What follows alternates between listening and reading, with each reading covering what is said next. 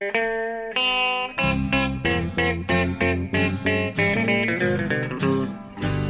out there, we're on the air. It's hockey night tonight. Tension grows, the whistle blows, and the puck goes down the ice. The goalie jumps and the players bump, and the fans all go insane. Someone roars, Bobby scores at the good old hockey game. Oh, the good old hockey game is the best game you can name. Hallå, hallå, hallå! Då ska ni vara fantastiskt varmt välkomna när vi återigen hälsar välkommen till NHL-podden. Det 36 avsnittet och två veckor in i NHL-säsongen har vi faktiskt kommit nu. Och eh, naturligtvis känns det ju återigen jättegött för mig, Jonathan Ekliv, hälsa välkommen till Per Bjurman i New York. Hur är läget? Tack, det är okej. Lite trött idag. Det har varit en eh, lång natt på stan innan vi spelade in det här. Så eh, i, idag får du föra och jag följer i dansen. Ja, du, du, du skickade ett sms här precis att eh, ja, du börjar så smått komma igång men du är inte i Rick Nash-form än så länge. Nej, det, det blir nog bra ändå. Ja, det blir bra. Ja, vi har mycket att diskutera idag. Eh, vi har faktiskt en lista på NHLs mest 10 underskattade spelare som jag ser fram emot att, att få presentera här lite senare i podden. Och där även ni lyssnare via Twitter har hört av er med mängder av försvar, eh, förslag. Så det ska, bli, det ska vi gå igenom lite senare. Eh, vi ska även snacka lite om eh, svenskar. Vi har ju gått igenom så mycket svenskar som har hittills har lyckats bra. Alltså Patrik Hörnqvist till exempel och Victor Hedman och så vidare. Men vi ska snacka lite om de som än så länge inte breakat den här säsongen hittills. Lite senare också. Men vi börjar bara med att gå igenom lite news and notes som det kallas. Eh, I NHL. Lite små, smått och gott nyheter som har hänt den senaste veckan. Något som inte är så gott kanske. Det är ju det här som hände Victor Hedman.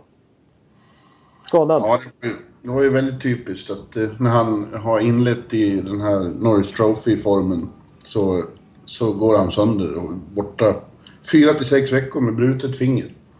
Ja, eh, och som du sa, Norris-kaliber på han. Det, var, han var ju, det är ju många som redan, bara utav, utav de här fyra matcherna han har spelat, fyra och en, period ungefär, eh, att han faktiskt var det här, det, här kanske var en Norris-säsong för Hedman och det kanske sabbats nu av att han troligtvis ja. blir borta en månad. Och det är ju inte säkert att han kommer tillbaka i samma form då.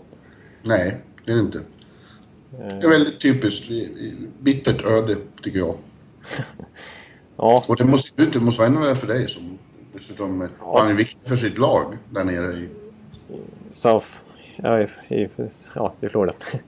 jo, absolut. Som som Tampa-supporter som ju inte har undgått någon kanske så, så eh, känns det ju riktigt tråkigt. Och särskilt dessutom Callahan som har blivit skadad också kan bli borta ett tag. Nej, det, det, det, var en eh, riktigt tung smäll. Eh, samtidigt känns det, vi försöker se det positivt nu. Att det var ju samma sak som hände ungefär förra året med Steven Stamkos. Det var ju dock ännu värre. 45 matcher borta med brutet ben. Liksom. men då lyckades vi göra en kanonsäsong ändå. Så att jag, jag är inte helt sabbad än, men det är klart att att det känns ju riktigt tråkigt att, att Hedman, särskilt med den här starten som han har haft. Ja, och så, det är ja, det är riktigt tråkigt. Och Callan börjar också riktigt bra. Det kunde ju dock ha varit ännu värre och det var, blev ännu värre för stackars Patrik Nemeth i Dallas.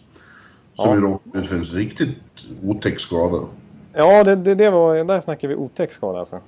Eh, får ju ett, vem var det egentligen som skar upp handen på honom? Det var väl eh, Umberger tror jag. Det var Umberger alltså. Ja, Philadelphia. Det var ju en ren olyckshändelse. Eh, framför Flyers bås och alla spelare i Flyers får upp direkt och började skrika på domaren att de måste hjälpa honom. Ja. För att han, han, det var ju handleden skars ju av. Ja. Och han är borta hela säsongen. Det, det är klart direkt att han missar resten av säsongen. Så det måste ju vara väldigt mycket senor och, och nerver och grejer som bara är avskurna helt enkelt. Ja, det känns ju riktigt tråkigt alltså. Det är ju det är så tråkigt på en sån spelare också som Nemet som ju faktiskt etablerat sig i NHL den här säsongen. Alltså verkligen fått chansen som en, eh, en av Dallas sex ordinarie backar. Ja. Eh, och sen så redan i fjärde matchen, 17 sekunder in i densamma, eller i alla fall för hans del, eh, så händer det här. Och så är skadedomen då hela säsongen. Så att... Eh, det känns ju riktigt tråkigt alltså. Ja, det var ju han... Ja. Äntligen eh, liksom slagit sig in. Och, ja. Han är ju ingen eh, spektakulär back. Han är ju bara en stabil, riktigt stabil krigare och hade inlett väldigt fint också. Och så slutade det så här. Det blir otroligt taskigt. Ja. Ja, det, är, det är sårbart för Dallas också som ju kanske inte är så jättebreda på backsidan. Så att eh, Nemeth hade ju faktiskt, var ju faktiskt en, en relativt viktig back för dem. Eh, framförallt med hans egenskaper framför mål eh, defensivt sett. Och, eh, ja. få ut puckarna snabbt och så. Ja, det var riktigt tråkigt faktiskt. Eh, ska, eh, med svensk koppling också där med, vi, med, med Hedman där måste, måste vi bara säga att det, detta innebär ju att Strålman får en ännu större roll. Ja. Han är ju nu första back i powerplay. Och ja. allra viktigast i boxplay och alla andra lägen också. Han är verkligen deras första back just nu. Den som de verkligen förlitar sig på. Det är Strolle som tar Norris Trophy i år. Ja, just det. Precis. Det blir Strålman som... ja, han kanske får ett omnämnande där i, i mest underskattade spelare. Vi får se. Får se. Inte omöjligt. Eh, en annan lite tråkigare sak vi bara måste nämna också som har hänt häromdagarna. Det var ju det att eh, Slava Vojnov har blivit eh, Los Angeles Kings-backen, mästarbacken. Eh, har blivit avstängd tills vidare av ligan faktiskt. Eh, för eh, det här med eh, domestic violence. Ja. Han anklagas väl för att ha misshandlat sin fru va? Är väl ja. i hemmet. Ja, obehaglig historia. Men det har ju varit väldigt debatt om det här i USA under sensommaren och, och hösten här. För det är flera spelare i fotbollsligan i ja, NFL, NFL, som är avstängda på grund av den här sortens eh, elände. Ja. Eh, och eh, Vojnov eh, har tydligen... Det, är, det är svårt att kommentera när man inte vet vad som har hänt, annat än att det är såklart tragiskt och hemskt och otäckt. Och jag tycker ligan gör helt rätt. Eh, och det blir ju bara lite konstigt i, i skenet av att Varlamov förra året, som också var anklagad för samma saker, bara fick fortsätta spela som om ingenting hade hänt. Nej. Det vill jag att vi var inne på tyckte att det var jävligt konstigt redan då. Ja, precis. Vi diskuterade. Det var ungefär motsvarande period förra året. Eh, ja. Och två dagar efter det, då eh, stod Valamo mot Dallas borta. Första keeper där och höll och de vann och allt möjligt. Och sen bara rullade det på. Inget snack om saken liksom. NHL gick, från NHLs sida gjorde man ingenting. Man sig inte i ärendet överhuvudtaget. Så att... Eh, men, men, men det, är väl, det är väl som du säger, det är den här sensommardebatten vi har haft i NFL som ju man har halkat in på då och då. Även om man kanske inte följer den ligan lika bra som NHL såklart. Men eh, där har det ju varit väldigt kritik. Framförallt efter Ray Rice-fallet. När, man, när det faktiskt fanns klipp på hur han eh, ja, slog ner ja. flickvännen i en hiss. Ja. Usch ja, fruktansvärt. Eh, precis. Och eh, deras boss, alltså ligabossen för NFL, Roger Goodell har ju fått verkligen stå i skottgluggen där för att han ja, inte agerat på något sätt nästan i, i de här fallen tidigare. Från NHLs sida har man varit väldigt svaga att hantera sådana här situationer, kriminella situationer. Liksom, som jag tror det är Roger Goodell. Ja. Ja, okej. Okay, ja, det är mitt uttal igen. Ja, jag vet. Eh, vad säger jag? Goodell? Ja. ser, jag kan inte ens sätta Ja, men alltså vi kan väl... Det är så, som sagt, det är svårt att säga något annat än att det här är hemskt. Jag tycker att NHL gör rätt. Ja, men det är ju ett litet statement också från Batmans sida här att nu, i, i, lite grann i skenet av den här debatten som har varit, att nu, nu verkligen tar vi tag i det här. Stänger ja. av honom. Ja, men det är ju, de har ju ett ansvar för att eh, det är ju unga människor som plötsligt får massa pengar och, kanske inte kan hantera det. De har ett socialt ansvar också, ligan. Det är ju så. Ja. För, sina spelare. Vad tycker du om, nu kommer jag till uttalsproblematik för mig här. Adam Proteau, eller vad säger man? Hockey News-skribenten. Ja, jag har inte läst vad han har skrivit i just det här fallet. Nej, hans förslag var ju att om man döms på något sätt för det här, oavsett liksom riktigt grad, men eh, domestic violence i alla fall. Om man döms för det, då ska man bandlysas från NHL. Då har man, då har man förbrukat sitt förtroendekapital. Då har man inte, då, han skriver då att då ska man inte då ska man inte föräras eh, chansen att lira i världens bästa hockeyliga. Tycker du att det är för hårt eller tycker du att det är rimligt? Ja, jag tycker väl, eh, jag förstår tankegången. Å andra sidan så tror jag också på eh, människors möjlighet att få en andra chans och, och bet, bet, bättra sig. Vad heter det? Bättring och bot. Man, man, man, man ska få en chans att rehabiliteras också, ja. eller hur? Jo, jag, jag, jag, tycker nog också det. Jag tycker det kanske tar ett steg för långt. Det är väl verkligen att markera i så fall. Men, men samtidigt så ska man ändå få en chans att, att kunna komma tillbaka om man bevisar att man klarar av det. Ja, det är väl tanken med all eh, kriminalvård att. Eh, som vi har. Att, eh, åtminstone enligt svenskt eh, synsätt. Eh, att tanken är att hjälpa människor tillbaka och sluta begå eh, brott och så vidare. Nu kom vi långt ut i... Ja, nu kom vi långt ut i svängen. Jag, jag, annars, annars vill jag bara säga att eh, debatten har ju varit den här när det har varit, diskuterats NFL. Att hur kan det komma sig att NHL är så till förhållandevis förskonat från liksom, sådana här typer av eh, brott bland spelarna? Att det är väldigt, förekommer väldigt sällan. Liksom. Mm. Eh, senaste fallet var väl sig Ryan Malone. Eh, ja, precis. Men det hanterar ju ligan ganska bra också tyckte jag faktiskt. Så nu är ju Ryan Malone tillbaka i spel i Rangers och har ju fått genomgå det här rehabiliteringsprogrammet och eh, fått, eh, blivit dömd av civilt också såklart. Och ångrar sig djupt. Så att, ja, nej, vi, vi, vi, vi går igenom till lite positivare ämnen då. Ja. Eh, för att vi vill ju definitivt passa på att hylla en spelare som vi har hyllat förut såklart i den här podden flera gånger om. Men som har haft en briljant vecka bakom sig och det är ju Henrik Zetterberg. Ja, precis. Kapten Z. I, mm. i uh, Detroits dubbelmöte med Toronto så var det, ja, det var ju back-to-back, -back, två kvällar i rad. Ja. Första kvällen så stod han för assist till uh, Detroits samtliga fyra mål, fyra ja. assist. Och uh, kvällen efter i en betydligt jämnare match som slutade, som ju stod 0-0 tills det var 10 sekunder kvar av övertiden. Då dök han upp och klappade in det avgörande målet. Det var, det var Zetterberg som slog i Toronto. Ja, ja verkligen alltså. Det var inga... Där eh, fyra assisterna stod för var ju inga...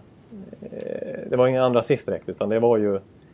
Det var ju superpassningar flera av dem. Inte minst tycker jag den där när bakom ryggen på sig själv i ja, halvt friläge. Den var briljant. Det är liksom han, sa, han sa själv att hela den här helgen var en reaktion på matchen innan mot Boston. Han är ju självkritisk. ja.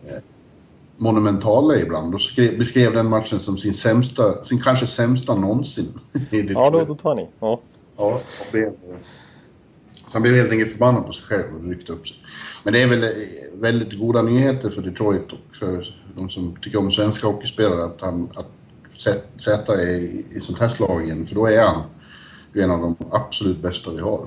Och om nu bara ryggen håller, och det verkar ju som det gör, att han har fått bukt med de här problemen efter operationen i, i, i vintras.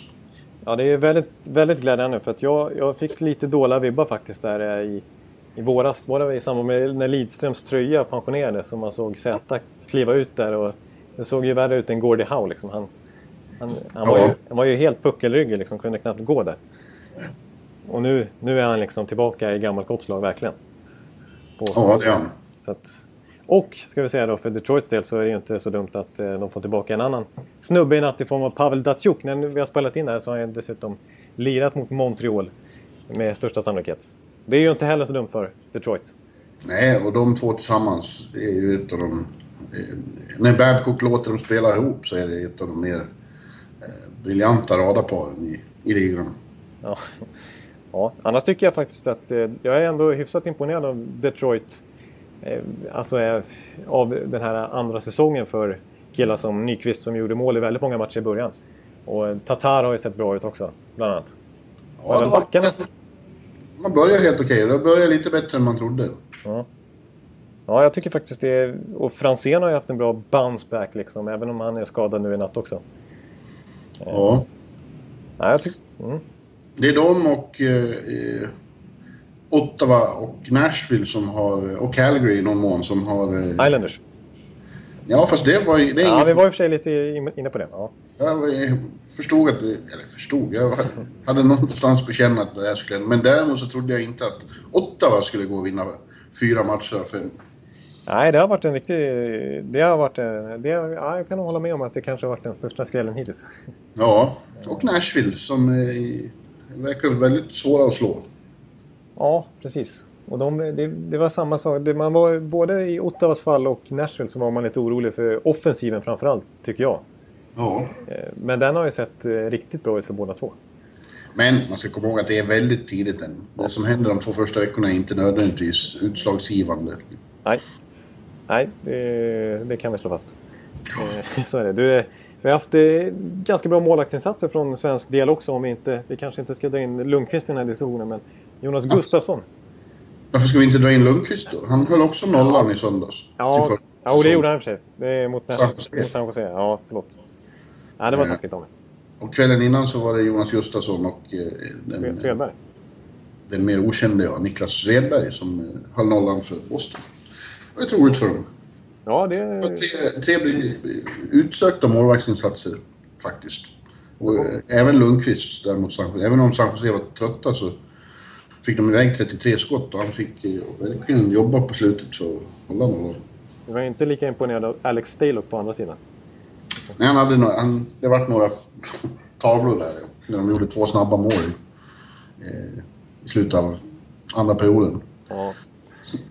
Snabbast eh, någonsin, eller tangerat rekord i att eh, i kort tid mellan målen. Är det för Rangers eller i hela NHLs historia? Ja, för Rangers var det det i alla fall. Jag vet inte, det tog ju bara fyra sekunder mellan målen. Det är svårt att, att, att göra det snabbare. Nej. Nej.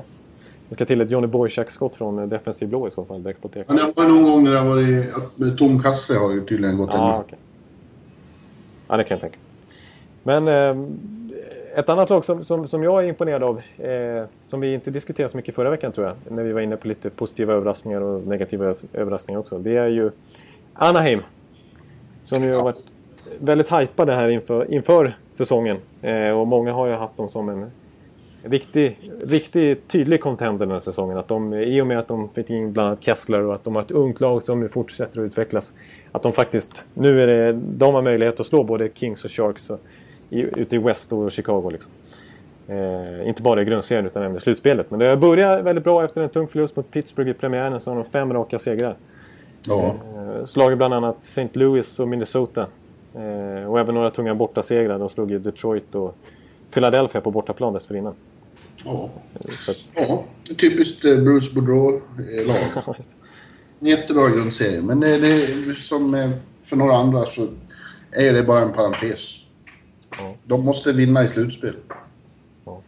Ja, jag måste ändå säga att jag är imponerad över, det, över deras eh, offensiv, eh, offensiva bredd. Ska jag, säga. För jag var ändå lite osäker på, på det här med... Eh, trots att de fick in Kessler och har en tydlig one-two punch nu. Liksom. Det är klart att Corey Perry och Getzlaff är fantastiska spelare, bland de bästa i ligan. Men jag är ändå imponerad av sådana som Beleski som har gjort fyra baljor och, och även... De har ganska bra, jag menar, Karlsson har ju redan, William Karlsson har ju redan etablerat sig tycker jag. Och så har de ju Silverberg, de har Rakell och de har Emerson Etem och de har Patrick Maroon och Cogliano och allt vad de heter. Så att jag tycker... Ja, och Nate, Nate Thompson där. Så att, Cogliano, där har vi en som jag tycker ska vara med på listan över de mer underskattade. ja, ja det, är, det är mycket möjligt. Jag kan säga att han, han var i åtanke i alla fall. Han är omnämnd av våra lyssnare. Ja, Så det har jag helt rätt i. Eh, en annan sak med Anaheim här. Vi, vi hypade ju John Gibson inför säsongen. Ja. Nu är det ju alldeles... Fredrik. Precis, Fredrik Andersson har ju vunnit den målvaktsmatchen redan ser det ut som. Eh, I alla fall gjort det väldigt, väldigt bra här i början. Eh, medan Gibson ju under en kort period till och med skickades ner till AHL för att få lite matchträning. Nu är han Ja. tillbaka igen men... Eh, ja, Fredrik Andersson, han är väl... Jag tyckte jag läste någonstans också att han... Han har ju en extremt record över sin korta NHL-karriär. Jag tror han har 25 segrar och 5 förluster totalt. Och det, är- jag tror han är näst bäst genom tiderna med det facit inledningsvis på en NHL-karriär för målvakt. En bra dansk. Det är en, det är en bra dansk alltså. Danskarna har några bra. vi- Det är mycket fokus för oss på, på Zuccarello, den enda norrmannen här. Men de har ju faktiskt... Eh, And- med Andersen tror jag det är fem danskar här och alla är rätt bra, eller hur? Det är Nilsson i Islanders, eller i... Ja, just det. I Montreal. Gör det bra. Mikkel Böttger har fått en flygande start. Trots att Arizona har gått dåligt så tror jag han är uppe på 4-5 mål redan. Ja, precis. Bödker är jättebra. Och eh, Hansen då i Vancouver. Så jag undrar varför inte Danmarks landslag bättre än Norges landslag? Kan du berätta det? Ja, det ska jag berätta för dig. Nej, jag, jag, jag, nej de, jag tycker nog att de har bättre spets alltså. Det är ingen snack. Ja. Däremot är väl bredden kanske lite sämre. Okej. Eh, det, det finns ju... Ser man till SHL så är väl eh, så är nor- kvaliteten på norrmännen bättre än danskarna ganska klart. Det finns ju väldigt många norrmän som gör det bra i SHL medan det är lite färre danskar. Jag vet inte, men, men i NHL så, så har danskarna lyckats betydligt bättre. Det är ju inget snack om det. Ja, bortsett från Zuccarello. Bortsett från Zuccarello som ju kanske är en av de bästa i, i Norden. Ja. Ja du. Eh, hörru, ska vi, ska vi gå in på lite svenska som vi inte tycker har lyckats hittills? I alla fall inte... Statistiskt har de inte stuckit iväg än så länge. Eh, jag tänkte höra lite med dig, du som har så bra koll på Rangers och som ser i princip varenda match. Eh, det har varit lite kritik inledningsvis mot Hagelin, som i och för sig gjorde mål mot San Jose. Hur, hur, tycker du han har sett ut? Han står på... Innan den matchen så stod han på noll poäng och minus sex tror jag. Mm. Ja, han har absolut haft en, en, eh, en trög start. Men det är han inte ensam om i Rangers. Det är många som, det är väldigt få som har kommit igång och spelar lika bra som förra säsongen. Fast eh, det är bara Rick Nash som har varit eh, riktigt, riktigt bra i början. Men dels så, som han själv har konstaterat, han är ofta seg i starten. Det är först, kommer igång först efter några veckor. Eh, och eh, nu när han eh, fått göra det här målet så tror jag att det, lossnar för han är en streaky typ. Han är han nästan lika streaky som Johan Franzén. Ja, det är så.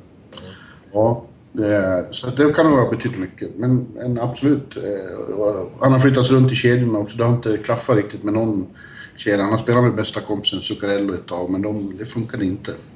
Nej, jag har sett att han har varit eh, runt en hel del nu alltså. Han spelar väl med, eh, med Lee Stempniak i senaste matchen tror jag. Ja, och så har han spelat med Dominic Moore som det är väl typ fjärde kedjan. Ja, just det. Exakt. Ja, han har varit i hela hierarkin upp och ner där. Ja. Men eh, det kommer. Det är ingen, inte det minsta orolig. Nej. Jesper Fast där också som ju tog plats eh, från start. Eh, som vi hoppades på att han skulle göra och som han lyckades fixa också. Han har ju blivit nedskickad nu. Ja. Fick ju inte sådär jättemycket speltid va, under de få matcherna han, han lirade. Nej, precis. Och det var lika där. Det, det, det funkade inte riktigt. Det var inte dåligt, men det, det, det hände för lite tror jag. Vigneault tyckte. Ja, jag är lite, jag är lite förvånad då över fast NHL-karriär hittills. För att jag tyckte han var grym i HV och hans fart trodde jag skulle att han skulle, att han skulle göra en bra transition till NHL-spelet så att säga. Eh, men han har ju fortfarande inte gjort ett enda poäng i NHL på eh, sporöda, sporadiska chanser över två säsonger. Ja. Eh, inte riktigt. Han har ju kanske inte spelat så många minuter totalt sett ändå men nej, han har inte riktigt förtjänat mer hittills heller, väl? Ja, han har varit någon, de känner att de kan lita på honom. Han gör, det, han, han gör ett jobb gör det jobb han ska. Eh, han var ju uppe till och med och spelade slutspelet förra året. När det var kort om folk och eh, han har inte gjort bort sig. Nej. Nej. Eh, men det, det, har väl kanske inte precis, det har inte blivit den... Eh, offensiv. offensivt som man hade hoppats kanske. Nej, sen eh, tänkte jag lite faktiskt på, eh, har vi pratat väldigt lite om St. Louis-svenskarna, för de har inte utmärkt det så mycket hittills. Ingen av dem egentligen. Eh, Alex Sten har ju inte haft en lika sprakande säsongsinledning som han hade förra året. Nej. Han har inte varit dålig för den sakens skull på något sätt. Men de hade en intressant satsning inför säsongen när de plockade in eh, Lindström också då från Sverige. Eh, Jocke Lindström och sen Kalle Gunnarsson då från Toronto som de tradade till sig mot Roman Polak. Nu ju Gunnarsson varit skadad hela säsongen hittills. Han gör väl comeback här i veckan efter sin mm. höftoperation. Ja. Eh, men eh, i senaste matchen mot Dax när de förlorade där, då, då testade de faktiskt att köra Per Berglund och Lindström i tredje kedjan. Eh, hittills har ja, är det faktiskt bara Lindström som har lyckats göra mål. Ja, Sten, och Sten har gjort mål också precis då, men eh, i den kedjan i alla fall. Per Berglund Lindström. Ja, Per, det var ju hans första match. Nu. Ja, precis. Ja. Han fick komma in i Stasny blev skadad. Och de har ju faktiskt inte spelat så mycket matcher. De har spelat fyra matcher. Först var det två och sen var det ett långt uppehåll när de åkte till Kalifornien och hade byggde laggrej i Palm Springs. Så att de i flera dagar och bara hade trevligt. Ja. Och sen gick de ut och slog Kings, right? Ja, de slog ju Arizona i alla fall. Slog de ju ja, Arizona, förlåt. 6-1. De pissade ju, eller ja. krossade dem. Och sen dagen efter var det direkt match mot uh, Anaheim. Var det så? Jo. Nej? Ja, ja, det var nog back-to-back. -back. Ja, precis. Ja. Och då var de ju uppenbart trötta och så blev det inget bra alls. Nej. Eh, mm, jag, jag, tycker, jag vet inte det är ju väldigt tidigt att döma än så länge, som du säger, fyra matcher. Men jag tycker inte de använder Lindström riktigt så eh, bra än så länge med tanke på, man vet ju att det är ju en kille som, han ska inte lira i tredje eller fjärde kedjan för att vara effektiv. Han, han, är, han har inte den spelstilen riktigt. Och han har fått så här 10-11 minuter per match hittills. Jag tycker ändå han har sett helt okej okay ut när han har lirat, men eh, ja, jag skulle vilja ha lite mer speltid på honom. Nu är det tuff konkurrens där i Blues såklart. Ja. Men, om jag vore Blues-fans ska inte vara särskilt oroliga. Det känns ju som att eh, experimentera sig fram i grundserien och sen eh, hugg till i slutspelet istället för tvärtom. Ja. Det är något som deras melodi. Ja, vad säger du om eh, Pääjärvi då? Vi har ju kanske snackat han lite tidigare också, men han, har, han, har, vi, han skulle ju få en nytändning var tanken när han tradades till St. Louis. Och det kändes ju som att St. Louis trodde rätt mycket på honom med, med tanke på att de offrade David Perron för honom. Ja, Men det hittills, mm, hittills har han inte Ja, fått så mycket chanser. Han har inte fått så mycket chanser. Eh, och eh, det är ett svårt, jävligt svårt lag att, att, att slå sig in i och etablera sig i. Har vi pratat om förut, det kan vara det lag som har mest djup av alla. Det vill säga, det betyder att konkurrensen om varje plats är hårdare där än någon annanstans. Ja, ja, faktiskt. Jag tror att det, det är nog det, det som är det största problemet. Inte att de inte tror på honom, utan att det är sån konkurrenssituation där. Ja. Plus att det, jag tror att det är lite så också att anledningen till att de har så mycket den här typen av spelare, det är väl också för att de kanske de saknar kanske en typisk första kedja ändå. Alltså de här riktiga superstjärnorna. Eh, Stasny är väl lite av en sån, men de har ändå mycket killar som är top 6 material men ändå inte de här lysande stjärnorna. Jag tänker på eh, jag, jag vill ändå lägga in typ TD Oshie och Jaden Swartz och Vladimir Tarasenko och sådana där. Det är klart att det är väldigt bra spelare som kommer göra mycket poäng, men de gör ju inte en poäng per match liksom. Nej. Därför kanske de laborerar och testar med lite alla möjliga killar av, den, av det snittet. Som, men det är än så länge ingen som har lyckats ta sig ända upp i hierarkin och peta ner en sån som Oshie till exempel. Nej. Men eh, det är väl också eh, en medveten tanke att det, att det ska vara ett, en riktig lagmaskin snarare än en, en slags spetsiga lag du pratar om. Ja, precis. Exakt. Eh, och, det, alltså, och det är det som man tycker är lite konstigt att de inte har, lyckats i, i slutspelet än. För att de är ju verkligen en lagmaskin som, som säger. Alltså, de, all, de har fyra kedjor som, som är nästan lika bra eller som bidrar väldigt mycket i alla fall. Och Ja. det, det blir ju väldigt, väldigt jobbigt att mota en i över 60 minuter för motståndarna. Liksom. Precis. Eh, Och det är väl det som är deras styrka. Men eh, än så länge har det inte alls, alls eh, översatt sig till slutspelet på ett bra sätt. Tvärtom. Ja, det, det, de har saknat, det har vi varit. De saknar förmågan och, och de har spelat på max eh, redan i grundserien och har aldrig lyckats eh, stegra i slutspelet. Det är det man behöver.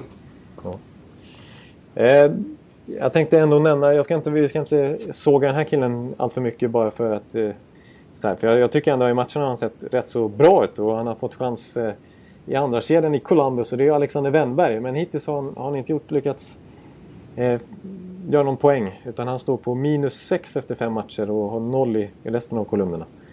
Eh, men han har haft en hel del skott och sett rätt pigg ut i matcherna men hittills har det, har det inte lossnat för Wennberg.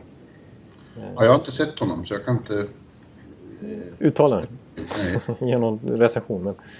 Ja, alltså det... Han har Corsi statistik. Corsi-statistiken ser väl eh, inte jättebra ut. Ja, men ser väl okej ut med tanke på att han har mycket skott och sådär. Men eh, han, han, får, ju- han är fortfarande inte liksom degraderat. Utan de fortsätter ju ge honom chansen. För de ser ju att det där är en kille som har potential och som vågar ta för sig. Så jag tror att han kommer, det kommer börja trilla in snart för Wennberg. Eh, en annan som, som jag tycker ser bra ut i spelet men som inte heller har fått det att lossna hittills. Som, som jag trodde på lite inför den här säsongen.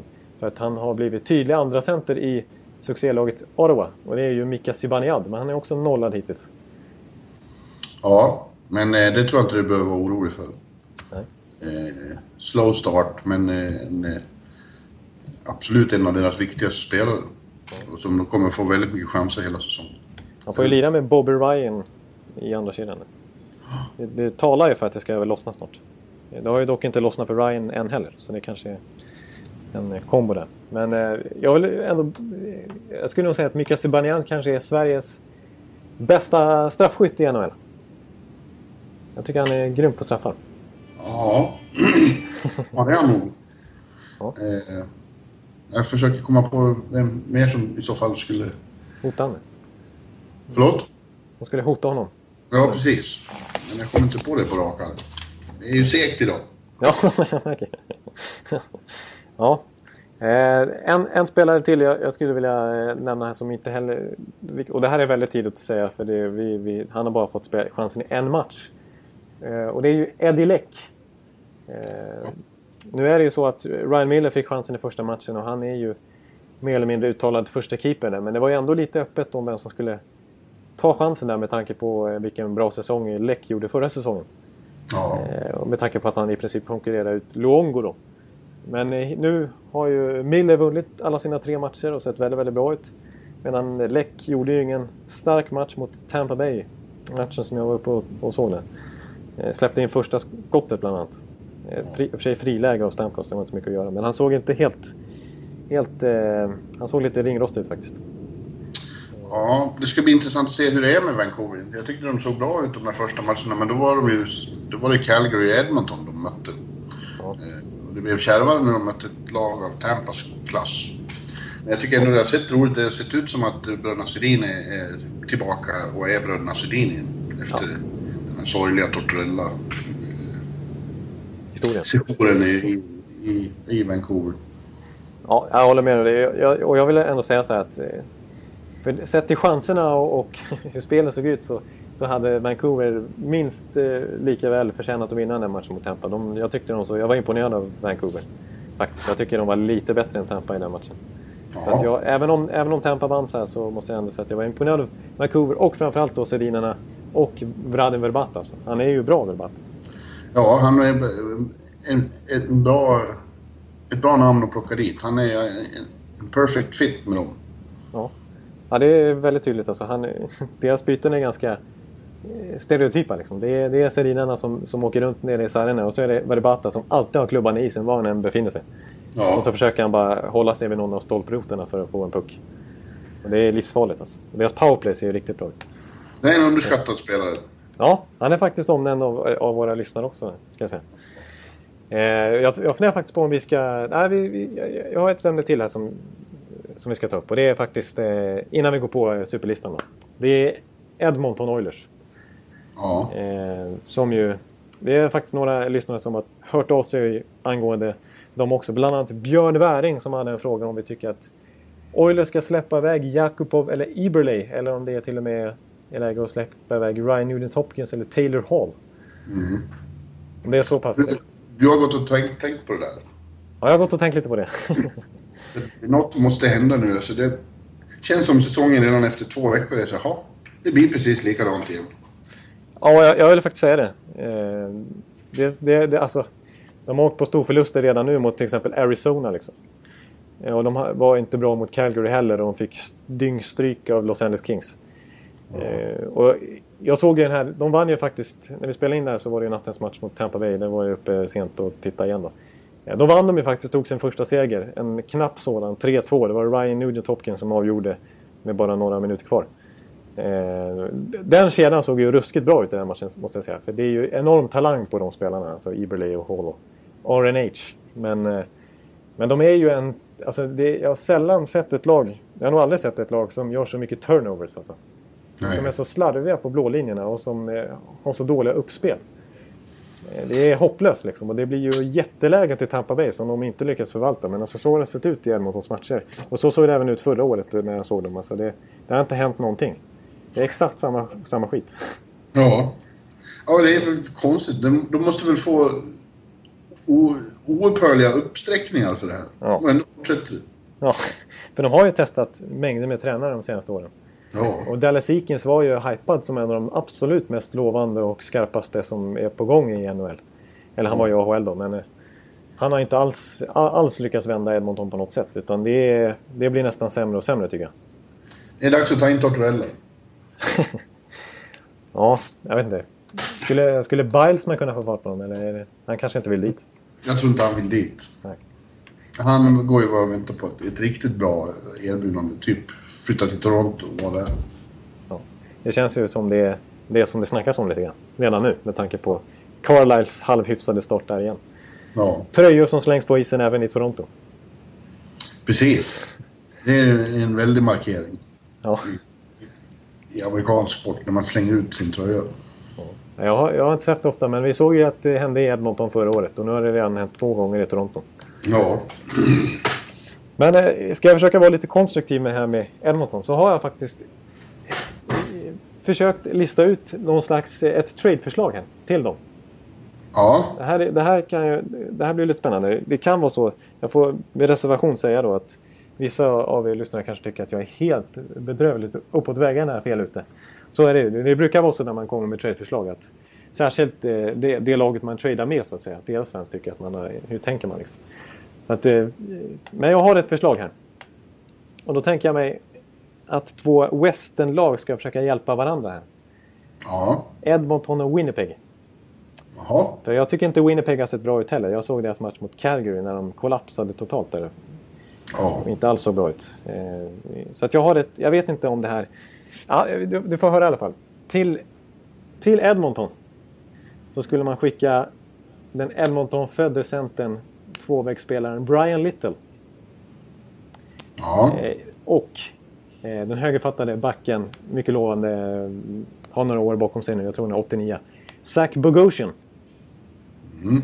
För att få in lite, en, en, en stabil, ung, bra, lovande back. Och en center, för jag tänker att eh, jag tycker ändå att eh, det är lite tunt bakom Ryan Nugent Hopkins där. De har ingen, de, har, de är väldigt tunna på centersidan.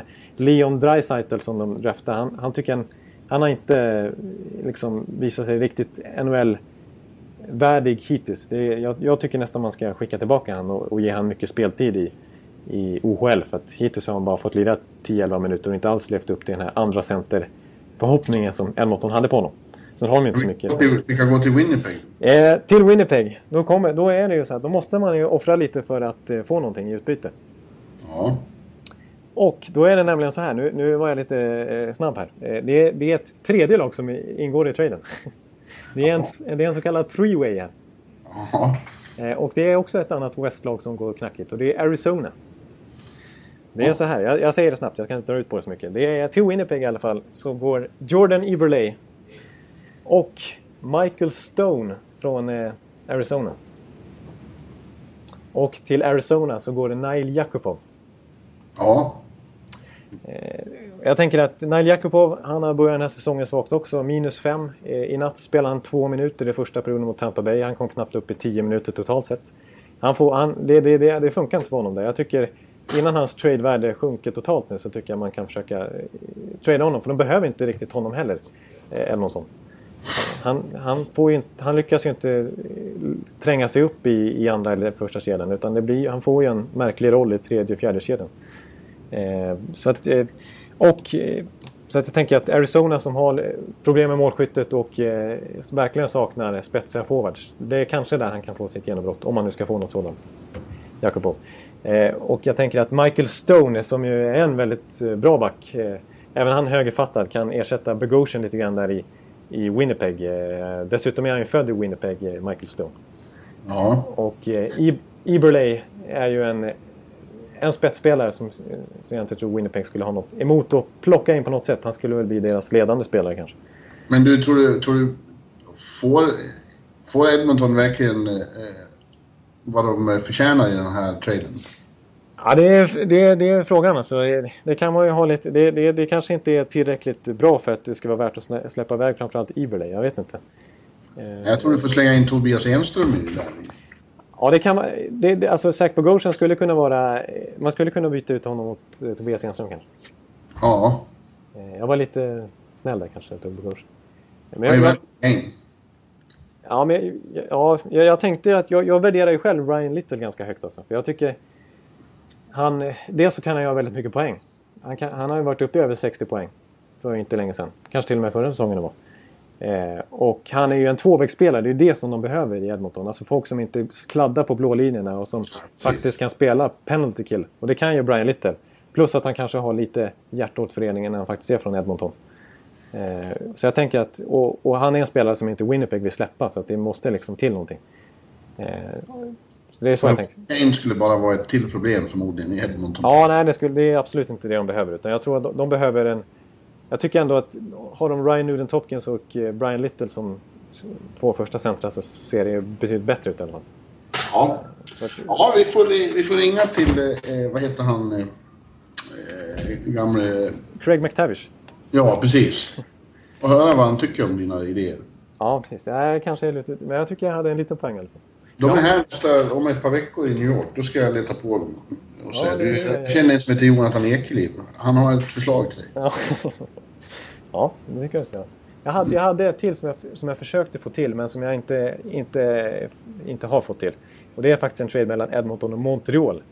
Eh, jag snöade in lite på det här med att eh, spelare som faktiskt... Det, det finns ju många NHL-spelare som är födda i Edmonton, att de skulle kunna utnyttja det lite grann. Och en spelare som jag tror skulle passa perfekt in i det här Edmonton som skulle lyfta dem och den karaktären de skulle behöva. Men som jag tror tyvärr för Edmontons där är helt untouchable med tanke på hur gravt man skulle behöva överbetala för att få honom. Och det är ju Brandon Gallagher som är Edmonton-bo han med egentligen. Ja. Du tror att det här betyder mycket att de kommer därifrån? Nej, det tror jag inte. Det har ju bevisligen eh, genom NHL-historien inte varit någon större, någon större grej. Men Edmonton har ju försökt satsa lite på det. De plockar in Andrew Ferens till exempel. Ja. Eh, men äh, det har väl inte blivit någon succé för sig. Så att, äh, men, men jag tror, jag, bara, även om man, oavsett om man är från Edmonton eller inte, så tror jag att Brennan Gallagher skulle vara perfekt den typen av ytterforward man skulle behöva ha in. Så att jag testade att skicka ett sms faktiskt till min, du vet, min Habs-polare Simmen där. Ja. Vad skulle du kräva för att... Eh, vad skulle du vilja ha av Edmonton för att skicka, skicka Gallagher till Edmonton? Och sa han, nej det går ju typ inte. Men han kanske skulle kunna eh, tänka sig, om det skulle ingå väldigt många, eh, eller väldigt många, men något, något högt draftval. Och det tror jag inte Edmonton är så villiga att släppa, alltså typ ett första val med tanke på hur det ser ut den här säsongen. Men han, kanske, han, han är ändå lite intresserad av David Perron, som ju ändå är fransk-kanadensare. Och eh, en hyfsad spelare. Kanske. Ja, vi får se. Men du, märker du att jag inte avbryter dig alls idag? Det var, jag har ju fått skäll här av läsare på Twitter att eh, när Per Bjurman bara håller på och avbryter Ekeliv. Låt han prata på. Och just idag får du verkligen göra det. Ja, idag får jag verkligen prata på. Ni får väl höra av Eftersom er. är så steg i steget här. Ja, jag kanske pratar för mycket då. Det är möjligt. Du får... Prata på, prata på. Ja, eh, men då är det dags då för att eh, ta fram NHLs tio mest underskattade spelare.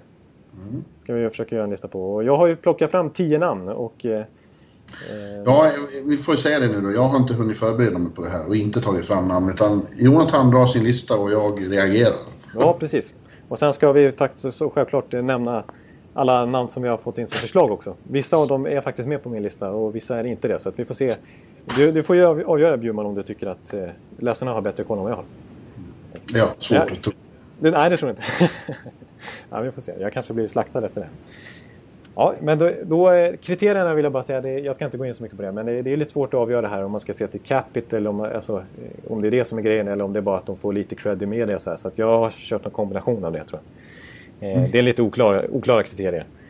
Eh, men på tionde plats har jag valt Andrew Shaw i Chicago. Ja. Eh, och då tänker jag det för att eh, ja, det, det var ju många som, som, såg, som, som tyckte att det måste in en andra center i Chicago den här säsongen.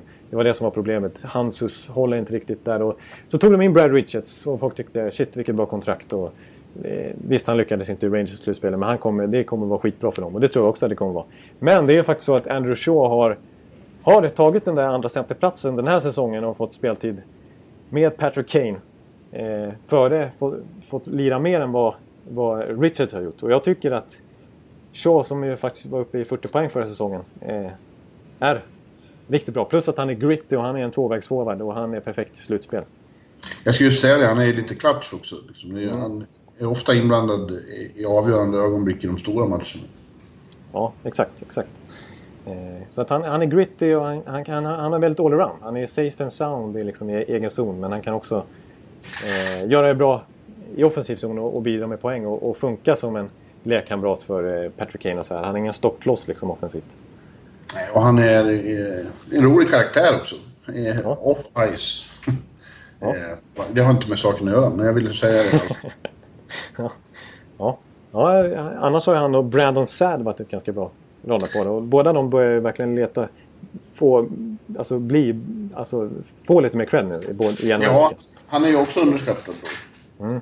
Brandon Saad, men han är, är väldigt bra och var väldigt bra i slutspelet i våras. Ja. Tog, var en sån som verkligen tog ett steg till. Ja, han, fick ju, han, han lyfte sitt spel till en helt ny nivå tycker jag i slutspelet. Och han har börjat bra den här säsongen också, liksom Andrew Shaw. Yes. Ja, men du får eh, guldstjärna för det valet. Ja, det var bra. Det var bra. Eh, då kommer jag till nionde plats. Och det här, här är en spelare som jag överlag haft lite mina frågetecken kring eh, sen han tog sig in i NHL. Men jag tycker ändå att det är en väldigt skicklig spelare som nämns aldrig i princip. Och det är för att han spelar i Winnipeg. Och det är Blake Wheeler. Mm. Han är ojämn och han har, lite, han har fått lite kritik och sådär för sin karaktär. Och det var ju stökigt när han tog sig in i NHL med tanke på att han strejkade väl från att spela i Arizona som hade hans rättigheter tror jag. Och han hamnade i Boston och lite sådär hit och dit. Men eh, jag tycker att det är en kille som har, ett, alltså, som har så mycket. Alltså, han, har, han, har, han har ju storleken onekligen. Han, är, han, han har en bra kroppshydda så att säga. Eh, och han är trots det väldigt, väldigt snabb. Och så har han ett grymt spelsinne och en grym release i skottet. Alltså jag tycker han kan det mesta. Förutom kanske att spela eh, försvarsspel då. Men, eh, men eh, nej, och han tog, tog sig faktiskt ut i, i den amerikanska OS-truppen. Det tyckte jag var ett litet trevligt eh, Eh, liksom, ja, eh, märke för honom så att säga. Eller fjäder i hatten. För att, eh, det, det, var, det var många som slogs om den platsen som han tog. Ja. Så att jag tycker Blake Wheeler, han gjorde faktiskt en, upp mot 70 poäng förra säsongen i Winnipeg också. Det är bra. Och han gjorde ett fantastiskt mål i den där kollapsen mot Calgary. Det enda som Winnipeg gjorde då. En grym passning till Mark Scheifele. Direktpassning som ställde Calgary helt och så var det öppet mål. Så jag tycker Blake Wheeler förtjänar en plats på topp 10-listan. Jag har inte sett Winnipeg alls i år. Nej. med. Så att eh, vad gäller i år så har, har, jag inga riktiga åsikter här. Men eh, eh, det stämmer ju att det är en spelare som man aldrig hör någonting om i princip. Men det gör man nästan inte om någon från Winnipeg. De spelar i viss radioskugga. Ja, oh, exakt. De, de är väldigt... Eh Nej, precis. Och i, i, Sverige blir det nästan ännu värre med tanke på att det är ett Westlag också. Så att deras matcher går ju på oanständiga tider. Ja. Eh, och överlag så har Winnipeg börjat rätt dåligt den här säsongen, måste jag säga. De gör väldigt lite mål. Det är väl i princip Wheeler som jag tycker skapar någonting framåt. Ja, det är ju det är tråkigt. Eh, men det känns ju som rätt profillöst också. Det är inget man ser att oh, ikväll spelar Winnipeg, då måste jag gå upp och kolla. Nej, precis. Det, det, är, väldigt, det är väldigt tunt där alltså. Eh, skulle få in Jordan Ibele. Precis, ja. de har ju den där traden på gång, den så kallade Ekeliv-traden. Ja, exakt. Då, då, då blir det på riktigt. Ja, en ganska men... bra kedja. Scheifele, Wheeler och Jordan Ibele. Ja. Så har ja. de Matthew Perrault, eh, Frolik och eh, Evander Kane i andra kedjan. Jag känner att jag har sett Blake Wheeler lite för lite överhuvudtaget för att egentligen ha någon åsikt om din eh, placering här. Men, men eh, jag har inga problem med det. På åttonde plats så, så, har jag en liten skräll. Jag tror vissa kommer rynka på ögonpannan här. Tycker att det är lite märkligt här. Men jag väljer faktiskt en målvakt där och då tar jag Jonas Hiller. Jaha. Eh, som vi fick mycket skit faktiskt i slutet av förra säsongen när han blev utkonkurrerad av både Gibson och Andersen till slut. Ja, i Anaheim. I Anaheim. Och eh, gjorde det väl inte så bra faktiskt eh, i slutet av förra säsongen. Men jag tycker han fick lite väl mycket skit och att det speglade av sig lite för mycket också på marknaden sen. Jag tycker han är, att, att, det är en, att det är en bra första målvakt i NHL. Och, eh, jag tycker till exempel ett sånt lag som St. Louis hade kunnat plocka upp honom. Eh, med tanke på att han bara inom situationstecken kostade 4,5 miljoner i capita i Calgary. Ja. Eh, jag tycker det är en väldigt bra capita för en så pass etablerad målvakt som Jonas Hille som visserligen inte gjorde det bra förra året, slutet på förra säsongen men som överlag sett över sin NHL-karriär tycker jag har varit väldigt, väldigt stabil. Eh, och eh, som jag ändå tycker brukar kunna vara väldigt bra i viktiga matcher också. Och inte minst i det schweiziska landslaget har han, varit, har han spikat igen fullständigt flera gånger. Precis. Men det har börjat bra i Calgary också. Och han har börjat väldigt bra i Calgary, ja. De är ju som sagt ett skrällag här i början och det har ju beror bland annat på målvaktsspelet. Både han och eh, Kari Rämö ja. har ju... Jag såg några matcher här när de var riktigt fruktansvärt bra. Ja, så pass. ja och så det är också positivt för Calgary att de har den konkurrenssituationen i målet. de har, som du säger, Hiller är ju en, eh, en klassmålis. Eh, ja. Etablerad klassmålis, absolut.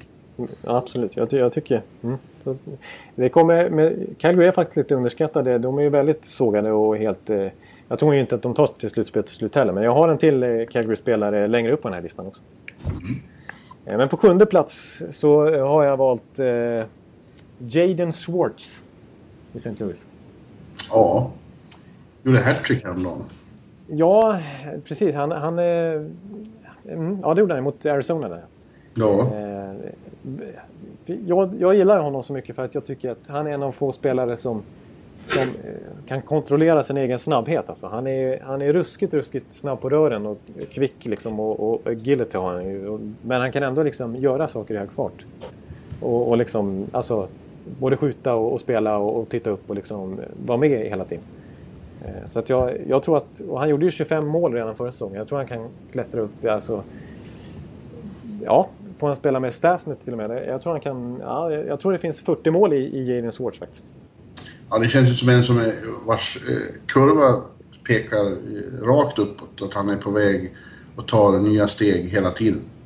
Ja. Eh, som han ger eh, St. Louis stort hopp om, även om framtiden känns det Ja, ja precis. Det, och han, han hade lite kontraktstrul inför säsongen. Han eh, gick ju med till slut på att eh, kort inför, på, inför säsongen att skriva på för 2,35 miljoner dollar per säsong på ett årskontrakt. Och det känns ju väldigt, väldigt billigt för honom tycker jag. Eh, ja. Mycket bra deal för St. Louis. På sjätte plats så tar jag en back från Dallas Stars. Trevor Daley. Mm. Intressant. Ja. Vi har ju pratat mycket om att det, det inte ser så bra ut på backsidan hos Nej. Dallas.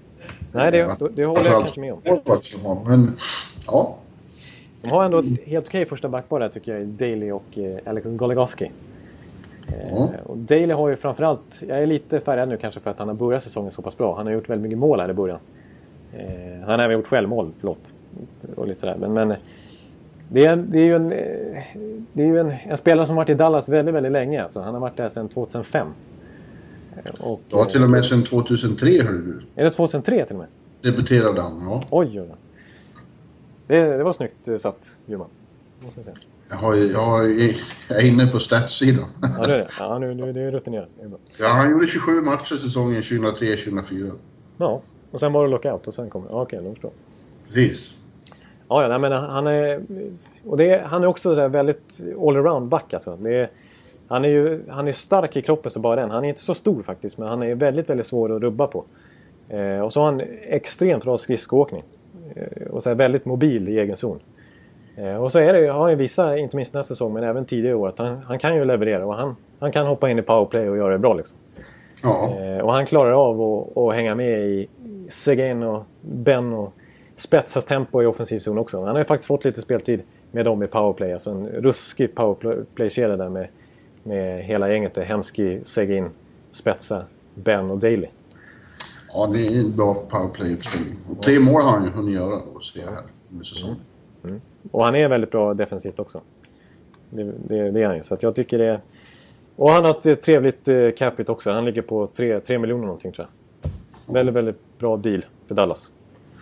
Eh, så att eh, han, han har med på min lista. Eh, på femte plats så väljer jag en New York Islanders-spelare. Då ska man kunna undra vem det är. Men då tar jag faktiskt eh, Kyle och Poso. Ja, honom gillar du. Det har man förstått. Ja, jag gillar det. Jag, jag har nog sipprat ut några gånger så att jag gillar honom. Men jag vet inte om jag kan hålla med om att han är underskattad. Jag tycker att han får väldigt mycket cred. Du tycker alltså, alltså? Här i, i stan får han det definitivt. Ja, jag kanske har tänkt. Han är en av deras bästa spelare. Så är det ju. Ja, eh, så är det. Men då, då, får, då, får man fråga mig lite grann om, om det, det är så pass... Så är det inte, Jonathan. Nej, men alltså det ska ju vara underskattade spelare. Så att, eh, det kanske, jag, jag var lite osäker också. Men jag tycker, jag tycker att, att han är... Jag tycker han är riktigt, riktigt bra. Alltså. Sjukt bra release och han... han och han, visst, han, det, är, det är inget fel med att... Det är klart man levererar när man spelar med John Tavares. Det gjorde ju Matt Molson också. Ja. Men, men han kompletterar ju Tavares perfekt. Alltså. De är ju ett perfekt radarpar. Ja, det var ju många som trodde att nu förstörde de allting när de skickade Molson som var eh, Tavares eh, verkliga radarpartner. Men han har ju tagit över den rollen. Ja. Han var ju uppe på en poäng per match förra året. Eh, och när Tavares skadade sig där så gjorde han det riktigt, riktigt bra i slutet av säsongen också. Ja. Eh, jag tycker han verkligen har tagit några kliv här de sista åren och blivit en klasspelare i NHL. Och Men det han... kan du säga om rätt många där i Islanders tycker jag i ja. sig. Jag tycker Frank, Frank Nilsson, som vi pratade om, dansken, är underskattad. Josh ja. Bailey är underskattad. Jag har lite svårt att Josh Bailey, men det är, men, men, men det är många som... Ja, okej, okay, jag kan köpa det. Grabner. Eh, och så de, Evelyn, de har ju knappt hunnit etablera sig än då, men eh, Brock, Brock Nelson och, och, den här, vad heter han, Ryan Strong. Ja, ja, de är inte så omskrivna och det är ändå väldigt stora talanger. De är också på väg. De har precis slagit sig in i princip. Eller hur? Ja, absolut. Nej, men absolut. Eh, det- de kanske inte platsar på en sån här lista. Men okej. nej, Eh, så- du, får, du får ta upp oss. Vad har du för problem med Josh Bailey då, om jag får fråga? Ja, eh, ja, ja, det kanske är för att han, han var ju... Eh, han kom ju in i NHL rätt tidigt. Han var ju draftad högt. Eh, och levde ju inte alls upp till den hypen i början i alla fall. Alltså, jag, ja, han, han, han har ju ingen bra skridskoåkning. Han är ju lite seg. Men han har väl ett hyfsat spelsinne. Även om jag tycker att han... När jag har sett Islanders tycker jag att han slår bort lite puckar hit och dit. Och att han är lite... Han ser lite loj ut tycker jag. Men... Eh, ja, jag vet inte. Cal Clutterbuck då, som har ligans bästa namn Ja, det, det, han har ju definitivt ligans bästa band. namn. Ja, men han är, det är också en väldigt bra karaktärsspelare. En spelare som Islanders behövde. Eh, han är väldigt viktig för dem tror jag. Så att, eh, och jag, jag tycker de har några underskattade backar också. Vi har ju sågat dem. Men jag menar, Travis Hammonick är ju, är väldigt bra. Och Calvin DeHaan är ju, är ju rätt lovande och, och uppskattas av sina egna fans i alla fall. Det tycker jag att Calvin DeHaan är, är riktigt bra. Så att, jag såg ett väldigt fint reportage om Hammonick på TV här nyligen. Eh, Ja. Det är så att han, när han var liten, så hans pappa dog när han var 10 år. Ja. Eh, Och det var ett stort trauma för honom. Och eh, nu för tiden så, oavsett om Islanders vinner eller förlorar sina hemmamatcher, så efter varje match, varje match, så, så har han bjudit in en, ett, ett litet barn som har blivit av med en förälder. Som jaha, han, det är så pass. Ja, som han alltid bjuder in och tar till omklädningsrummet och tar bilder med och, och ser till att de får eh, liksom lite trygghet och får veta att det finns andra som har varit i samma situation. Även en sån stjärna som spelar i NHL. Tycker jag var väldigt fint. Ja, det, det var ju ja, det var väldigt fint. Det blev jag glad att höra. Jag läste en artikel om honom. Då läste jag inte just det där. Men att han bland annat inför varje match när han sätter sig i båset där så sneglar han upp, tror jag, i vänstra hörnet av läktaren. För där brukar alltid hans farsa sitta och kika på alla matcher han lirade som liten pöjk. Ja, Han brukar alltid titta upp på en, eh, den läktarsektionen. ja fin, fin kille. Ja. Uppenbarligen. Men du, nu fortsätter vi med din lista va? Ja, nummer fyra här. Eh, en kille som faktiskt har uppmärksammats på allvar i år och inte den här säsongen, den här veckan. För att han skrev på ett rejält eh, kontrakt den här eh, i, i förrgår tror jag det var. TJ Brody i Calgary. Mm. Eh, jag tycker Calgary har... Jag skulle lika gärna kunna ta Mark Giordano som jag också tycker är underskattad. Eh, jag tycker det är två... Om vi börjar med Brody så tycker jag att det är en väldigt, väldigt... Ja, dels har han gjort väldigt mycket poäng hittills då. Han har ju precis som Daley gjort tre baljer. Eh, så att det är ju en offensivt skicklig back. Han var uppe i 31 poäng förra året. Eh, har ännu mer i sig. Eh, men sen är han ju väldigt, väldigt stabil bakåt också. Eh, grym, alltså, grymt bra på att få sätta igång ett första pass och starta anfall och liksom inte hamna i trångmål. Utan alltid lösa situationer bra. Lite som Anton Strålman faktiskt. Ja. Eh, så att jag tycker, nu fick han ju ett, ett bra avtal, 4,65 miljoner eh, dollar eh, i capita. Det, är liksom, det vittnar ju inte om att man, är, att man inte är uppskattad. Men eh, TJ Brody är, är en riktigt, riktigt bra back i NHL. ja som Topp vi inte top 20, top 20 kanske. Är han? Skulle du säga topp 20? Topp 25 i alla fall. Ja. Ja, men det finns ju... Calgary är ju överhuvudtaget eh, ganska numera fritt på stora eh, profiler. Ja. Och vi har ju pratat om det att det är nog kanske lite väl slätstruket. Eh, men det kommer att bli bra eftersom de har så många unga. Och han är inte heller säkert gammal, Brody. Nej, han är 90 precis som en annan. Ja, 91, det är ganska gammalt för att spela. Ni- 90 Jag förstår vad du säger. Ja, okej. ja 90. Usch. Eh, Men eh, jag, jag tycker till vår, vår center där, Mika Backlund, är också lite underskattad. Han får ingen uppmärksamhet alls. Nej. Och har, åtminstone förra säsongen hade han ju perioder när han var riktigt, riktigt bra. Ja, absolut. Och han har börjat den här säsongen lovande också. Ja, han avgjorde ju en eh, match, vilka var det mot? När han avgjorde i Sudden. Ja, vilka kan det ha varit? Det var inte Columbus, så där förlorade de. Det måste ha varit dessförinnan. De var ju på en bortaturné i alla fall. Det måste ju ha varit någon av bortamatcherna där. Precis. När de faktiskt vann. Ja, det var mot Chicago. Chicago till och med var det. Ja, det var det. Ja, då snackar vi. Då snackar vi. Ja. Ja, men det är, ju, Ja. det är imponerande. Om du hävdar att TJ Brody är topp 25, då får man absolut säga att eh, det är under, då är han underskattad. Ja, bra. Då tar jag trean på listan och det här är en kille som varit favorit bland er lyssnare att eh, nämna här. Det är Wayne Simmons i Philadelphia Flyers. Ja, det kan jag hålla med om. Dels för att han eh, sitter på ett beskedligt capita i sammanhanget. eh, Under 4 miljoner dollar per säsong fram till 2019. Eh, Och eh, han är ju en av Philadelphias absolut viktigaste spelare med tanke på hur mycket han bidrar på alla möjliga sätt. Ja, Han är ju dels en nyckelfigur i deras powerplay. Alltså, han är ju en av NHLs absolut bästa spelare framför kassen. Både att skymma och att raka in returer. ja. Eh, och i slottet överlag. Eh, sen är han ju en av de absolut mest eh, grittiga spelarna i hela NHL också. ja. Han är ju en resklickare. Ja, verkligen. Eh, Det är han.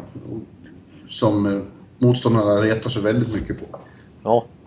Eh, och och han, är, han, kan, han kan ju kasta handskarna om det behövs. Så han, eh, han är, spelar ju boxplay och gör det väldigt bra också. Han är väldigt Philadelphia Flyers. Han är extremt mycket Philadelphia Flyers. Ja, Nu kommer det. Broad Street Bullies har jag lärt mig. ja precis. Ja, precis. Han är, han är verkligen identifierar det gamla hederliga Philadelphia Flyers. Ja, mycket karaktär. Mycket, mycket karaktär. Och som sagt, som jag sa det.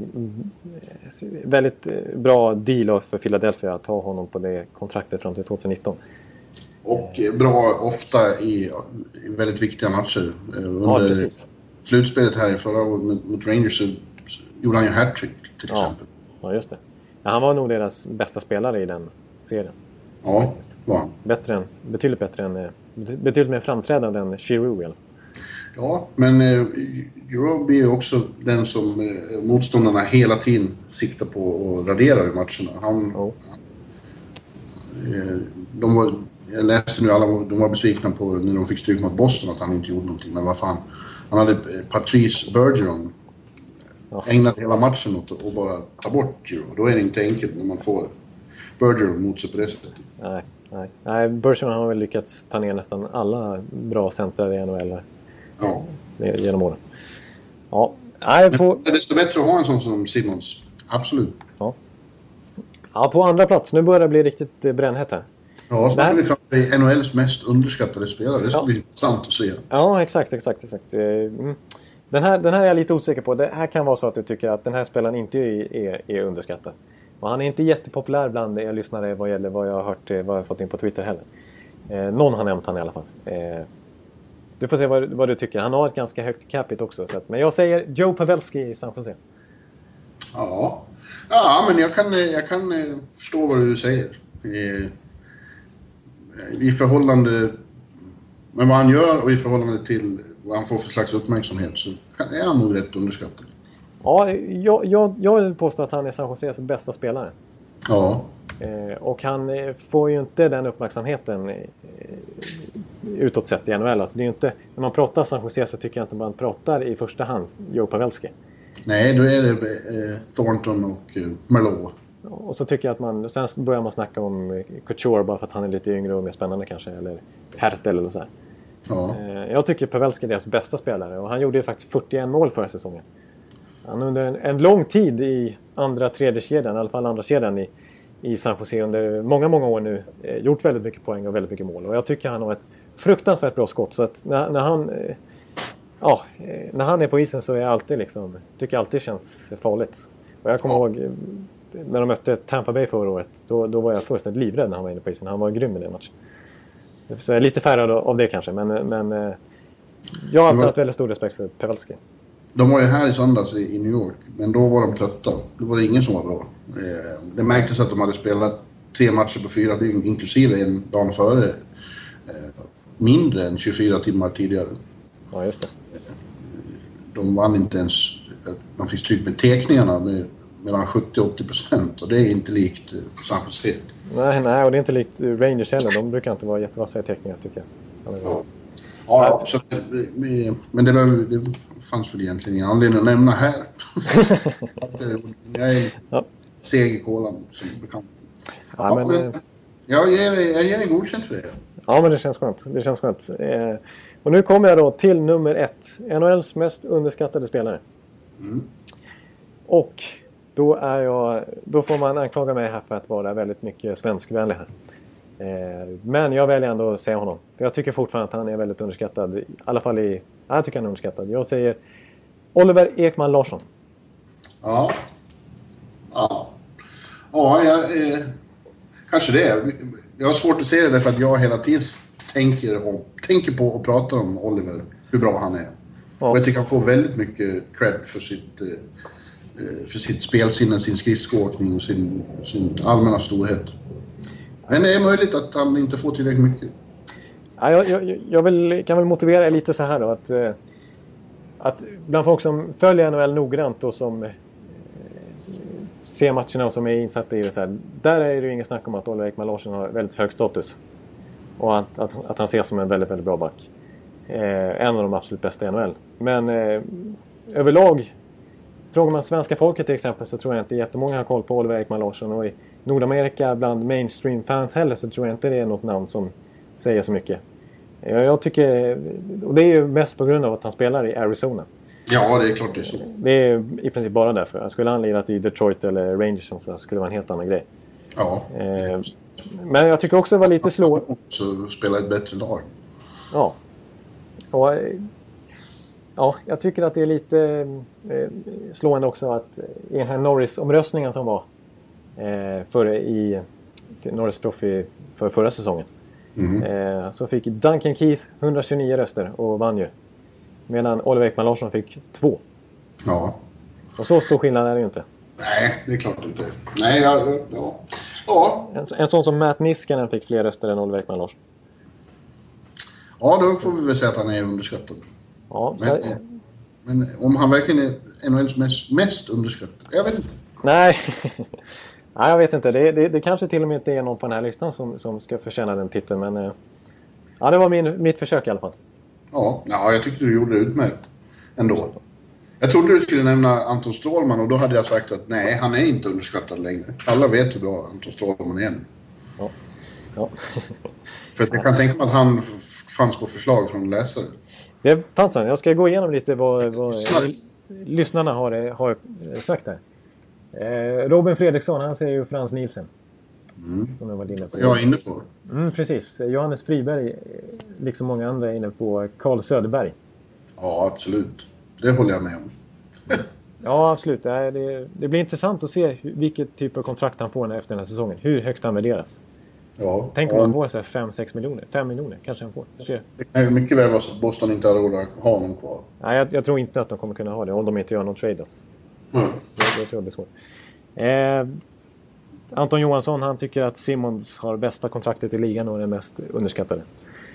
Eh, Kristoffer Stålhammar här tycker att Brandon Saad och Andrew Shaw är ligans mest underskattade duo. Ja. Eh, Albin Skur skriver att Ryan Johansson är ju faktiskt jävligt bra. Även Kyle Turris. ja. Men Johansson får väl väldigt mycket cred, får han inte? Jo, det kanske han får. Det, det, det får han. Sen, sen fick han väl mycket skit också för att han är inte så bra som han trodde enligt kontraktsmässigt. Men det kanske han inte är heller för sig. Men... Inte än. Nej, inte än. Men jag tror att det, det där kommer... Ryan Johansson, han är också så mycket... Jag tycker kanske en, lite av en Ryan Getzler på något sätt. Alltså lite... Nej, kanske inte riktigt. Men han är gritty och han är hyfsad storlek och han gör väldigt mycket poäng. Eric Stahl kan jag jämföra honom med. Den, den kalibern tror jag han kommer upp i. Och redan är på. Ehm, vi har Joel Ward, det nämns av Max Strömberg. Roman Josi nämner han också. Eh, eh, här har vi trevligt. Mattias Serki Muka. Han nämner Joe Pavelski. Ja. Även Mark Giordano. Sen har vi Mikael Helgen, Jamie Benn och Kyle Poso. Eh, Frans Nielsen i New York Islanders. Eh, TJ Brody, Jamie Benn, Dominic Moore skriver Johan Sjöberg. Ehm, här har vi trevligt för dig också. Alexander Ådjers. Han vill lyfta fram Cogliano. Ja, precis. Eh, Bosak och Kyle Turris. Eh, och så vill han eh, även, även eh, lyfta fram att det finns flera spelare i Calgary Flames som är underskattade. Och så har vi Petson här som skriver att han tycker John Scott är underskattad. Jaha. För honom nu. Ja, han skojar lite. Men, eh, han gjorde ett fantastiskt mål dock, ska vi säga, John Scott. Mot Washington. Har du sett det? Nej, det har jag inte. Det får du ta upp på YouTube, YouTube direkt efteråt här. När han eh, trampar förbi Brooks Orpik och sen drar han upp ett eh, Rick Nascott upp i krysset. Ja. Och firar. Ja, var, han var ju han var scratchad här i- på Garden. Det var ju lite Det var det? Usch. Det förtjänar han inte. Han, gjorde ju, han firade ju genom att eh, starta ett bråk. Att det, det är hans grej. Liksom. Eh, Tim Randberg, eh, Mikael Backlund ur svensk perspektiv. Annars Roman Josi. Eh, Kristoffer vill även, även lyfta fram Niklas Hjalmarsson som ligans mest underskattade back. Ja. ja, jag kan hålla med. Fast jag tycker nog även i hans fall att han börjar få den uppmärksamhet han förtjänar. Det tycker jag också. Eh, Cal Turris har vi mer förslag på här. Dominic Moore, Nielsen, Vlasic, Andy Green. I- Vlasic, eh, det tänkte jag när du pratade om Pavelski. Honom, eh, det får man ju höra för lite om. Det är, det är ju verkligen en topp 20-back. Ja, verkligen. Och som alltså tog plats i den mördande konkurrensen i Kanadas OS-trupp. Precis. Han fick ju speltid eh, framför en sån som P.K. Subban till exempel. Ja. Ja, mycket bra. Kanske NHLs bästa defensiva back. En av dem i alla fall. Topp tre. Och det, det ser ju sånt som Babcock och Iceman när de tar ut sitt lag där. Ja, just det. Exakt. Ja, han får faktiskt några röster här. Eh, Giordano hade vi också. Jordan Ståhl tycker jag är underskattad, skriver Henrik Rittblad. Riktigt målfarlig. Han har vi inte fått se än så länge den här säsongen. Nej, det dröjer innan vi får se honom också. Ja. Eh, men det, är många, det verkar vara många som säger Kyle Turris. Ja, Varför hoppar du över honom då när han är... jag hoppade över alla i Ottawa. Jag hade, några, jag hade även Clark McCarthy som ett alternativ jag, jag funderade på det. Eh, de, de har ju blivit en riktig duo där i, i Ottawa. Det är de som har, framförallt har gjort målen hittills. Eh, och Kyle Turris eh, gjorde väldigt mycket poäng förra säsongen också. Han har, han har börjat närma sig en poäng per match eh, faktiskt. Tror jag. Över en hel säsong. Så att, eh, jag kan hålla med om att Turris är lite är underskattad. Det, det tycker jag definitivt. Han kanske skulle varit med på min lista. Jag håller med dig. Eh, han skriver Robin Grell. Oliver Ekman Larsson är fortfarande underskattad. Tack. Ja, Eh, jag ska nämna någon till här. Det är faktiskt Braden Holtby har fått en röst.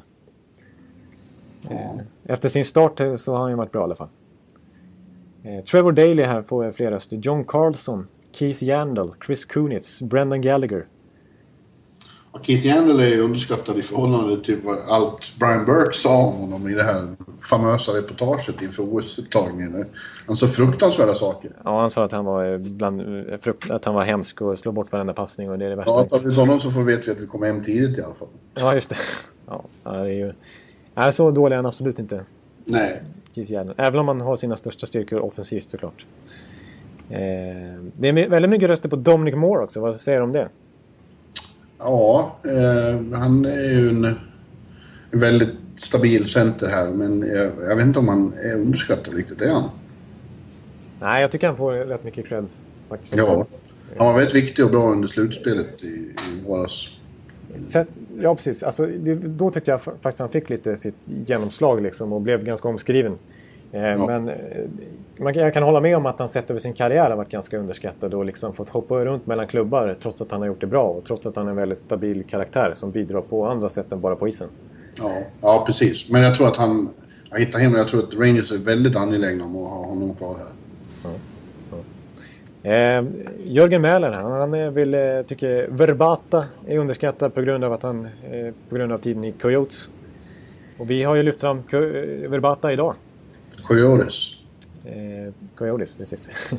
eh, och eh, han vill även nämna Kunitz och Dupuis, att de får eh, alltid höra att det är Sidney Crosby som, eh, som, gör, som gör dem bra. Att, men att det är minsann bra spelare eh, för sig själv också. Troy Brower nämns här också. Nu har vi inte så många kvar. Adam Henrique och Andy Green i New Jersey. Ja, det kan jag hålla med om. Ja. Jersey hamnar alltid lite i radioskugga av Rangers här. Eh, Så deras största spelare måste vara enormt stora som Brodeur för att alls få uppmärksamhet. Men Henrique, Henrik är ju en riktig klassspelare. jag vet ju att du gillar honom. Ja, Eh, sen har vi ett eh, som jag är lite förvånad över, om vi, sista jag kan nämna här. Eh, en, det är faktiskt Andreas här som skriver att han tycker Kyle Quincy får alldeles för mycket skit och är underskattad. Oj oj oj, Detroit.